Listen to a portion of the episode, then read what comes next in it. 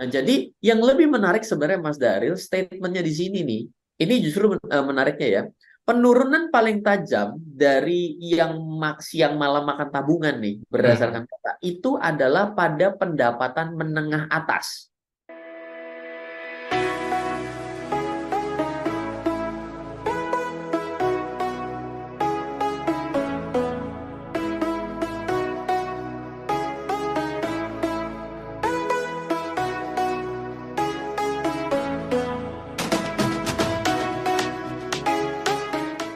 Selamat malam Mas Darin, selamat malam kepada seluruh smart listeners di mana pun Anda berada. Ini kontra loh dengan dengan background uh, Mas Ryan Filbert ya, yang ada angkel gobernya itu loh. Ini justru penguat mental bisa, bisa tetap stay alive dan juga stay punya duit. Iya iya amin amin mudah-mudahan ya. Walaupun itu kayaknya limited edition ya Mas ya. Enggak oh, semua limited. gitu punya gitu ya. Tapi mudah-mudahan deh buat kita yang menyaksikan di YouTube bisa nular semangatnya untuk paling tidak merasakan apa yang dimiliki oleh Paman Gober. Amin. Amin, siap. Mas Ryan, ya. Jadi kalau kita bicara masalah bukti baru ya, dari kata buktinya sendiri kan kita harus stock by data nih kayaknya nih. Mungkin boleh nggak kita explore dulu di sesi pertama? Ya, jadi memang um, saya juga agak kaget ya ketika ada rilis berita bahwa uh, memang banyak sekali dari uh, masyarakat Indonesia itu ternyata dalam satu tahun terakhir ini mengeluarkan uang lebih banyak dari tabungannya uh, keluar dibandingkan memasukkan uang ke tabungannya. Jadi uh, data ini juga kita bisa baca sama-sama pada pada beberapa sumber data bahwa pada survei konsumen dari Bank Indonesia ras, rasio tabungan pendapatan per Oktober itu turun jauh dibandingkan pada posisi sebelum COVID-19 ini ya. Data pada bulan Oktober 2019 lalu. Nah, jadi penurunan ini uh, memang secara logika dasar ketika kita melihat bahwa jumlah tabungan itu turun, maka kita dapat mengatakan bahwa wah masyarakat Indonesia ngeluarin duit dari tabungan dipergiin ke mana ya? Bisa nah, dong, bisa, ya, ya, ya. berpikir ternyata bukannya dipakai untuk belanja, tapi dipakai untuk investasi. Iya okay, dong, kan okay. mungkin seperti itu. Nah, tapi kan kalau kita melihat bahwa kalau dari 2019 ke 2020 itu memang mungkin kita bisa menyatakan bahwa wah betul karena 2020 itu sampai ada sebutan namanya investor angkatan corona. Karena pada saat itu semua instrumen investasi itu meledak. Saham itu pembukaan rekeningnya meledak.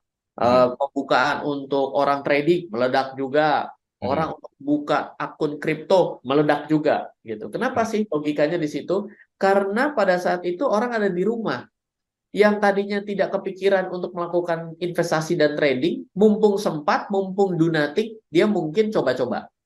Oke, okay, okay. Ya kan? Nah, mungkin dari situ dia mulai memasukkan uangnya.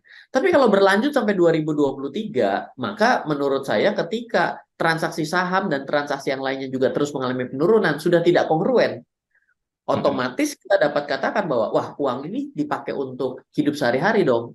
Okay. Berarti kan orang sudah menggunakan uang dari tabungan, berarti dia dalam kondisi ya bukan menjadi tambah baik hidupnya, tapi dalam kondisi ya. menjadi lebih tidak punya ketahanan finansial. Bukan hmm. saya nggak mau bilang bahwa menjadi tidak baik ya, tapi ketahanan finansialnya ber, berkurang.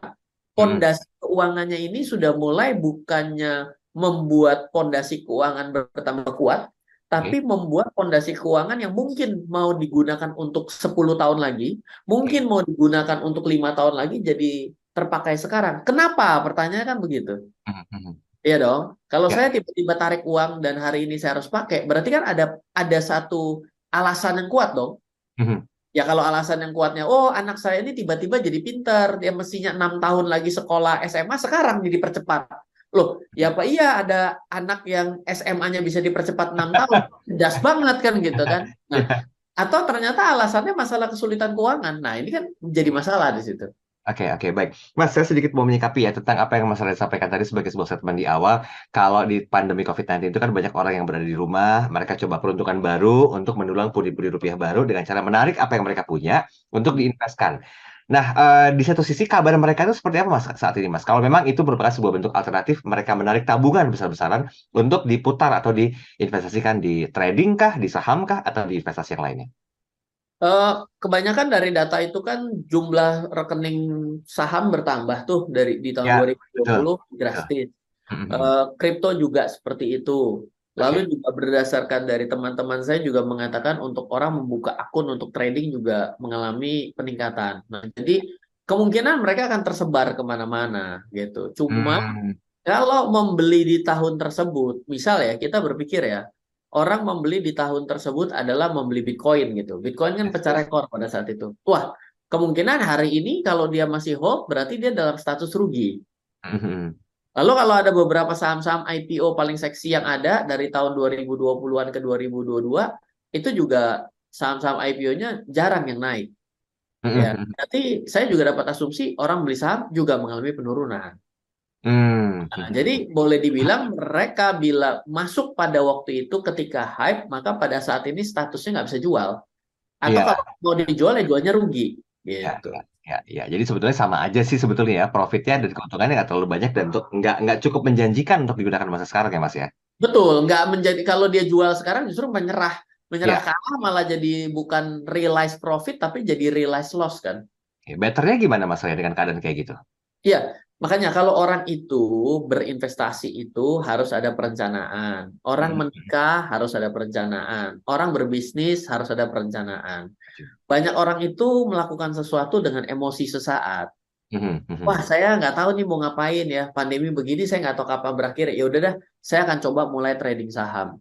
Nah, okay. sebenarnya mencobanya nggak salah, tapi ya. nekat dengan banyak-banyakan uangnya yang bermasalah. Uh, Mencoba jangan banyak dong.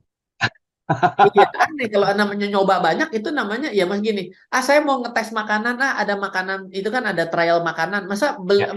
masa 10 kardus ya satu bungkus aja itu namanya nyoba kalau 10 kardus ya, ya. namanya borong iya dong curhat ya bukan curhat ya bukan bukan, oh, bukan, ini, bukan. ini tuh cara berpikir maksudnya ketika kita berinvestasi ya saat ya, ya, ya. sikapnya itu harusnya ada perencanaan oke saya akan mulai dengan sedikit saya akan memulai dengan diversifikasi. Saya yang penting adalah ilmunya. Saya yang penting adalah know-how-nya. Know-how-nya, oh ternyata saya beli. Oh katanya kalau beli tidak boleh masuk secara sekaligus tapi bertahap. Oh kalau turun lagi apa yang harus saya lakukan? Oke. Okay. Kalau naik kadang nggak usah diajarin. Tapi padahal mau naik mau turun sama-sama harus belajar loh. Ya. Ini penting. Kenapa? Karena banyak orang pada akhirnya berinvestasi saham dan lain sebagainya, untungnya sedikit kalau rugi banyak. Aneh kan? Ini kan misteri aneh nih. Mestinya kan ya, untung ya. banyak rugi banyak. Oke dong. Ya. Yang hebat adalah untung banyak rugi dikit. Hebat. Hmm, hmm, hmm. Yang lucu kenapa untungnya selalu dikit kalau rugi banyak? Hmm, hmm, hmm. Nah ini nih pertanyaan. Ini karena biasanya ya nggak sabar untuk mengambil sesuatu agar untung cepat.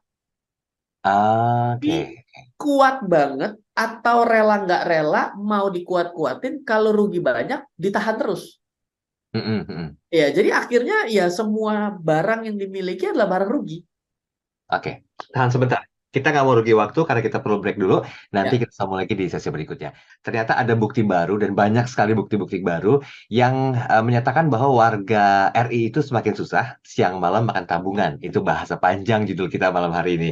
Tapi apakah berarti semuanya seperti itu? Uh, saya sih merasa nggak juga gitu ya. Karena banyak juga kok orang-orang yang udah belajar memulai sebuah bentuk investasi dan akhirnya mereka tuh pelan-pelan bisa menangkap menepaki suksesnya dalam investasi. Mas kalau diparetokan dari judul ini sendiri sendiri berapa per berapa persen mas yang mungkin makan tabungan dan memang menikmati tabungan? Kalau kalau dari saya ju jujur saya pasti akan lebih banyak ngasal ya. Tapi kalau saya dapat dari data-data yang ada gitu ya, di data yang Anda juga smart listeners bisa baca berdasarkan survei konsumen dari Bank Indonesia yang baru saja dirilis, maka pengeluaran dan pembayaran cicilan itu um, pada pada bulan ke-10 tahun ini, jadi 10 Oktober 2023, hmm. rasio simpanan terhadap pendapatan masyarakat itu 15 persen, 15,7. Nah, pengeluaran dan pembayaran cicilan masing-masing 76,3 dan 8,8 ya. Hmm. Menurut saya angka pembayaran cicilan 8,8 persen ini masih bagus. Tapi yang lebih repot itu menurut saya dengan rasio pengeluaran 76,3 persen. Di sini nah. kita bisa melihat bahwa banyak orang ternyata habis uang untuk pengeluaran. Iya dong. Padahal kalau dari teori yang saya coba terapkan dan coba, eh, ya saya ada ada orang yang mengatakan bahwa semua ini angkanya bisa berubah. Tapi saya selalu bilang begini ya, kalau pengeluaran kita satu bulan itu sudah di atas 50% dari apa yang kita dapatkan, Hmm. sebenarnya se- kita ini punya struktur pondasi keuangan yang buruk. Hmm. Karena pengeluaran itu kemungkinan besar adalah untuk pengeluaran saat ini agar kita tetap hidup. Hmm. Hmm. Ya dong, bayar listrik pengeluaran. Ya, Coba kita nggak bayar listrik, nggak hidup. Kenapa? Listrik di rumah mati, bener nggak? ya, ya. Lalu kalau kita pengeluaran untuk makan, coba kita nggak keluarin untuk makan, berarti apakah bisa hidup? Nggak bisa. Hmm. Nah, yang namanya 50% sisanya itu untuk pengeluaran masa depan. Hmm. Hmm. Hmm. Pengeluaran masa depan apa? Investasi jawabannya dong. Ya, ya. Gitu. Nah, kalau nilai investasi ini kurang daripada 50%, berdasarkan perhitungan saya, kayaknya orang di masa yang akan datang nggak akan pernah bisa berhenti bekerja. Dan ketika kita tidak pernah bisa berhenti bekerja, dan kita tidak pernah bisa mendapatkan uang ketika kita tidur, ya memang betul kamu nggak bisa berhenti bekerja. Terus aja bekerja sampai kapan? Sampai ajal menjemput kita, kalau mau kasarnya begitu. Hmm. Hmm. Nah, jadi yang lebih menarik sebenarnya Mas Daril, statementnya di sini nih, ini justru eh, menariknya ya. Penurunan paling tajam dari yang siang malam makan tabungan nih, berdasarkan data, itu adalah pada pendapatan menengah atas. Hmm. Hmm. Nah, ini highlight yang menarik di sini. Justru Jadi, menengah atas ya yang mengalami hal itu betul. ya. Kenapa? Kalau menurut saya, kalau menengah atas itu sudah mulai turun kelas, ya Hmm. dong, berarti memang kondisi keuangan dunia sedang tidak baik-baik aja. Oke. Loh, Ryan, kenapa bisa begitu cara berpikir begini? Kalau menengah ke bawah, itu mungkin sudah makannya pas-pasan, nggak mungkin jadi nggak makan dong. Iya, iya. Ya dong, oke ya. Ah. Tapi kalau menengah ke atas itu dia kekurangan uang, berarti kan dia akan turun kelas ya. Betul. Nah, coba gini ya. Sekarang bayangkan ini ada satu restoran A nih ya, yang memang uh, ada di level yang uh, ada nil ada cukup tinggi ya. Hmm. Maka orang yang tadinya ada pada makan di restoran A, dia akan tidak lagi makan di restoran A akibat dia turun kelas. Logis nggak? Masuk akal. Dan dia akan turun kelas ke yang restoran B, betul? Ya. Yang restoran A bisa bangkrut loh. Ya, ya, ya. Kalau restoran A bangkrut berarti ada yang di PHK loh. Hmm. Yang di PHK adalah yang mungkin yang bekerja bisa menengah ke bawah kan, Hmm. Hmm. ya kan? Berarti akan banyak yang terkena di situ kan. Nah, Ya. itu akan dampaknya jadi ke sana, gitu. Jadi Hmm. kita mesti berhati-hati melihat kalau yang menengah atas ini ternyata dia sudah makan bunga tabungan dan sekaligus makan tabungan ya. Kalau makan bunga tabungan itu bagus, tapi Hmm. makan tabungannya ini dampaknya akan terus turun ke bawah. Jadi Hmm. akan ada level-level tertentu perusahaan brand tertentu dia akan kehilangan eh, loyal customernya dan di situ dia akan mulai korban itu. Yang korban bukan dia aja tapi banyak pihak di dalamnya. Oke. Ya. Oke, baik, baik. Mas, tapi kalau bicara masalah hal tersebut, eh, sebetulnya dari sisi keuangan, likuiditas perbankan itu berkurang nggak kira-kira? Likuiditas perbankan sih saya meli saya- jadi kalau ini kan subjektif ya karena bu- Iya, bukannya iya, data ya. betul. Nggak Kalau likuiditas perbankan itu sebenarnya pada saat ini selalu dimonitor dan di-highlight oleh eh, Bank Sentral kita dan juga OJK. Ya, ya. Makanya kalau kita melihat beberapa tahun terakhir modal inti bank diminta dinaikkan Mm-mm, mm-mm, mm-mm, beberapa kali ya. mm-mm, Oh, bank digital, ayo naik. Oh, ini harus gabung ya kan. Mm-mm, Kenapa mau kayak begitu? Itu tujuannya agar untuk menjamin likuiditas mereka. Jadi secara nggak langsung mm-mm. ini dia akan lihat modal inti kamu kurang, kamu harus join. Nah, itu bank besar itu yang konglomerasi ketemu konglomerasi harus jadi satu akhirnya karena Hmm. mengejar modal inti kan. Jadi eh, bukannya saya itu kayak gini ya, ada orang yang ada orang yang selalu hidupnya selalu menentang kebijakan dari negara. Gitu ya. Mhm. Tapi saya berpikir begini, saya melihat ada beberapa hal yang memang kita perlu akui eh, pemerintah kita cukup siap. Di mana contohnya ya pertama eh, mengenai modal inti bank. Itu kan jauh-jauh hari sebelum dari hari ini itu sudah digalakan. Mhm. Artinya likuiditas itu juga penting untuk diperhatikan dan sepertinya pada saat ini itu terjaga dari bank sendiri gitu ya. Ya, Nah, ya, jadi ya. pada banyak hal ya yang ada di negara kita, saya rasa masih dalam keadaan yang sehat sih perbankan kita. Oke, berarti, berarti ini tidak mempengaruhi eh, profitabilitas dari para pelaku usaha seperti eksportir atau importir. Oh, oh, ini beda lagi nih. Kalau kita yang per, kalau dari dari bank sendiri kan itu industri yang berbeda ya. Kalau ekspor impor ya tergantung yang diekspor impor itu apa. Nah, yang perlu diperhatikan juga dari ekspor impor ini kan ada banyak barang ya. Yang diperhatikan itu pada akhirnya kita harus lebih banyak mengekspor dan mengimpor. Karena kalau kita banyak mengimpor dalam jangka panjang, berarti kita tidak bersaing produknya. Hmm, hmm. Lalu kalau kita tidak mampu mengekspor, maka kita akan memperberat uh, pendapatan negara kita. Karena kan ada namanya uh, pertumbuhan negara dan juga gross domestic product. Nah, gross domestic product secara makroekonomi kan kita juga bisa lihat ada unsur hmm, konsumsi negara, ada pendapatan, ada investasi, ya. Ada juga yang terakhir ini kan adalah neraca perdagangan terkait dengan ekspor dikurangi impor. Berarti kan kalau impornya lebih banyak berarti bukan memberikan nilai tambah malah jadi iya, pengurang. Kurang. Iya, jadi memang penting sekali kita berpikir. Nah, yang kedua juga yang diekspor apa?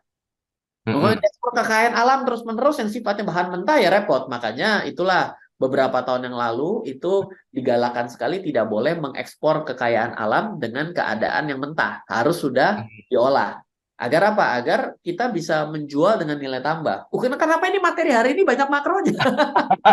Enggak, soalnya begini kan kalau bicara masalah menengah ke atas kan memang pelaku-pelaku itulah yang punya kata-kata atau predikat menengah ke atas gitu loh Mas. Oh, oke. Okay. Ya, cuma ya, kirim ke situ ya. ya. Oh, ya, enggak apa-apa, enggak apa. Ini kan bisa melihat dari banyak sudut pandang gitu Mas ya, Ryan. Ya. Karena kalau kita terlalu melihat ke bawah sendiri kan uh, fakta ekonomi masyarakat Indonesia memang lagi turun kan secara ekonomi kan. Nah, kita coba melihat yang ke atas. Apakah mereka juga uh, dalam hal-hal tertentu mereka makan tabungan juga atau mengeruk dividen hidup dari situ atau bagaimana gitu loh mas itu itu pertanyaan sebetulnya oh I see kalau orang itu makan dividen makan tab makan bunga tabungan tuh adalah hal yang bagus sebenarnya mm-hmm. yang penting itu adalah pokoknya jangan kegerus Ah, itu dia. Nah, itu. banyak orang itu kalau mengambil keputusan begini, misalnya, contoh ya, contoh ya, dia punya tabungan katakanlah satu miliar. Hmm. Dia lihat yang namanya harga saham pada rontok, bener nggak? Hmm. Oh satu miliar ini saya masih punya uang nih, ya kan? Ya udah deh, saya kan selama ini makan bunga tabungannya nih. Saya mau ambil ah separuhnya, saya belikan saham yang rontok. Nah, ini yang mesti hati-hati. Oke. Okay. Kok hati-hati Ryan? Lah begini sekarang. Pertama, kamu ngerti nggak milih sahamnya? Hmm. Oh. Yang kedua, kalau tabunganmu satu miliar diambil 50 persen, Mhm. Apakah selama ini kamu itu makan bunga tabungan dan dengan satu miliar kamu ngerasa cukup atau kurang? Kalau jawabannya cukup, oh dari bunga tabungan itu kepake berapa? Kalau kepake 100% dan saya tiba-tiba ambil pokoknya 50% untuk beli saham, berarti kan cuma tersisa 50% tuh. Mhm. Berarti kan kenapa-napa dalam kehidupan seharinya, sehari-harinya. Logikanya benar nggak? Nah, Berarti dia itu sedang berspekulasi bahwa saham yang dibeli akan meledak dalam waktu singkat dong, benar nggak? Ya, ya, ya. Kalau harga sahamnya nggak naik-naik setelah dia cairin tabungannya 50%, dia berarti akan terus mendowngrade hidupnya selama selama berapa waktu ke depan yang entah kapan berapa lama untuk hanya makan 50% dari bunga tabungan dia. Dan berusaha untuk mengembalikan ya. Iya, atau jangan-jangan gini ya udah karena saya udah kurang, saya pokoknya saya mulai tarik. Loh, kalau pokoknya digerogotin pelan-pelan, berarti bunga tabungannya sudah 50% akan terus bertahan di bawah 50%. Logis nggak? Iya, iya, oke. Okay. Nah, ini masalah. Ya, masalahnya kita perlu break juga nih. Oh, siap, ayo. Ilustrasinya kita akan sebentar Mas ya. Nanti kita sambung di sesi yang ketiga. Tetap bersama dengan kami masyarakat Indonesia sudah mulai uh, makan tabungan ya. Jadi sebisa mungkin bagi Anda yang juga mengalami masalah ini boleh belajar dari apa yang disampaikan oleh Mas Ryan agar pelan-pelan tabungannya bisa tumbuh kembali dan tidak lagi menggunakan kata-kata makan tabungan untuk mencukupi biaya hidup. Mas, kita lanjut ilustrasinya, Mas. Ya, kalau tantangan selanjutnya yang dibicarakan Mas Daril adalah bagaimana untuk kembali menghimpun uh, tabungannya itu adalah hmm. saya jadi langsung teringat apa yang terjadi waktu saya sekitar tahun 2007-2008 Mas Daryl. Hmm. Jadi saya itu kan mulai dari uh, orang yang masih ini ya belajar kuliah dulu umur 18 hmm. tahun, ya. lalu di 2004 tiga tahun kemudian masuk ke 2007 ke 2008 hmm. itu saya lagi uh, melakukan yang namanya full sebagai full time trader. Okay. Mm-hmm. Jadi pada saat itu cuma modalnya adalah trading aja. Dan pada saat itu tradingnya cuma ada dua yang saya lakukan yaitu trading saham Indonesia dan trading options market di Amerika. Yeah. Option US market ya. Jadi melakukan transaksi opsi pada saham-saham Amerika. Mhm. Kedua, pada saat itu karena eh, tidak begitu kondusif, pada akhirnya saya tidak bisa berpendapatan tuh dari saham saham saya. Mhm. Jadi akhirnya terganggulah pendapatan saya. Berarti ketika terganggu pendapatan saya, tabungan saya kegerus. Oke. Itu agak mirip kondisi kejadian seperti di capture pada hari ini. Meskipun ya pasti nggak semua akan mengalami kondisi yang sama ya. Saya Hmm. mengalami hal itu. Nah, jawabannya adalah sama dengan pertanyaan Mas Daryl tadi adalah bagaimana caranya agar tabungan saya menjadi kembali pulih dong, bener nggak? Mhm. Ya, ya. Dua yang saya lakukan. Pertama, saya melihat dulu ya, apakah sebenarnya struktur saya dalam berpendapatan dan berinvestasi dan menabung dan lain sebagainya itu kondisinya seperti apa sebelum Mhm. kejadian sampai saya nggak bisa nggak bisa pendapat memiliki pendapatan dari eh, trading for living saya. Mhm. Oh, ternyata saya masih selebor pakai kartu kredit Oke. dan utang. Mhm. Lalu ternyata saya itu juga punya alokasi secara dana darurat lah, ah, situ untuk asuransi lah, eh, untuk lain-lain sebagainya itu nggak pas. Padahal pada saat itu saya belum menikah. Mhm. Kan saya menikah 2011. Jadi pada saat itu saya hidup sendiri sudah ngaco gitu ya. Iya. Ya, ya.